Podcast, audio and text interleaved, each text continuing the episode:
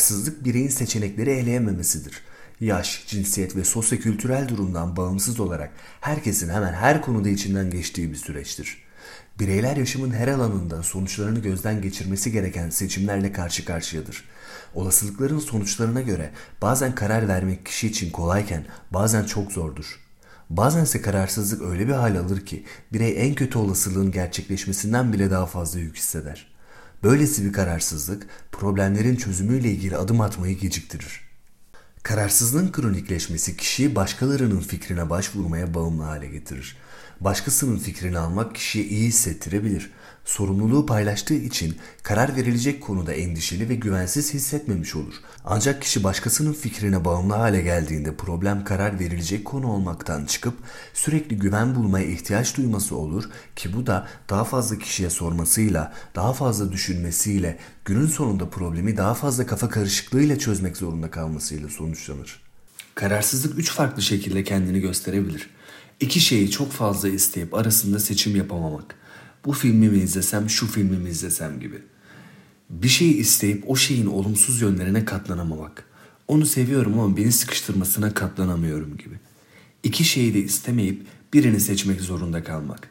İki dersin sınavına da çalışmak istemiyorum. Hangisinden başlasam gibi. Bazı faktörler karar vermeyi iyice zorlaştırır kişinin sahip olduğu olanakların arzularını karşılayabilecek ölçüde olmaması, toplum ve çevre baskısının kişinin isteklerini gölgeleyecek baskınlıkta olması, zamanın yetersiz olması, tüm seçeneklerin birbirine çok benziyor olması, konuyla ilgili bilginin az olması, kararın geri dönüşünün çok zor olması veya geri dönüşünün olmaması karar verme sürecini zorlaştıracaktır. Kararsızlık kaygıyla ilişkilidir kaygı düzeyi yüksek bireyler bir karar verebilmek için gerçek olamayacak kadar kanıt toplamaya çalışırlar. Bu nedenle çözüm süresi de olabildiğince uzar. Belirsizliğin yarattığı stres nedeniyle kişi kendini kaygıdan koruyabilmek için bulunduğu yere çakılıp kalır, adım atamaz. Kararsızlık kişinin hayatında markete gitmekten evleneceği kişinin doğru kişi olup olmamasına kadar geniş bir yelpazede kendi yerini bulur. Kişilerin kararlarını verirken yatkın oldukları yaklaşımlar vardır. Bunlar akılcı karar verme, sezgisel karar verme, bağımlı karar verme, spontan karar verme ve kaçıngan karar vermedir. Akılcı karar verme, karar vermeden önce araştırmalar, çalışmalar yaparak en doğru görünen seçeneğe yönelmektir. Sezgisel karar vermek, karar verirken duyguları ve sezgileri referans almaktır. Bağımlı karar vermek, çevredeki kişilerin yönlendirmesi doğrultusunda karar vermektir. Spontan karar vermek kendiliğinden, anlık ve içinde bulunan şartlara göre seçim yapmaktır. Kaçıngan karar vermeye karar vermemek de denilebilir. Birey kararlarının sorumluluklarını almak istemediği için konunun minimal boyutuyla ilgilenir. Daha kolay karar verebilmek için bazı yöntemler vardır.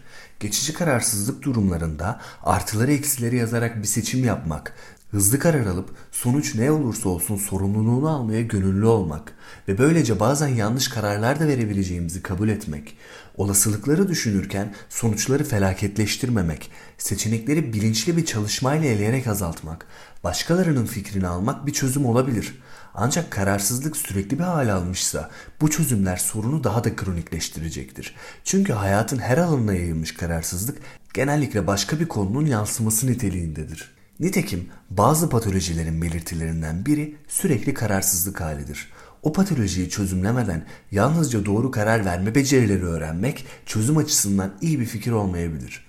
Bu nedenle kararsızlığın yarattığı belirsizlik kişinin hareket etmesini tamamen engelleyen bir hal almış ve uzun süredir devam ediyorsa kararsızlık kendinden başka ciddi bir sorunun görünen yüzü olabilir.''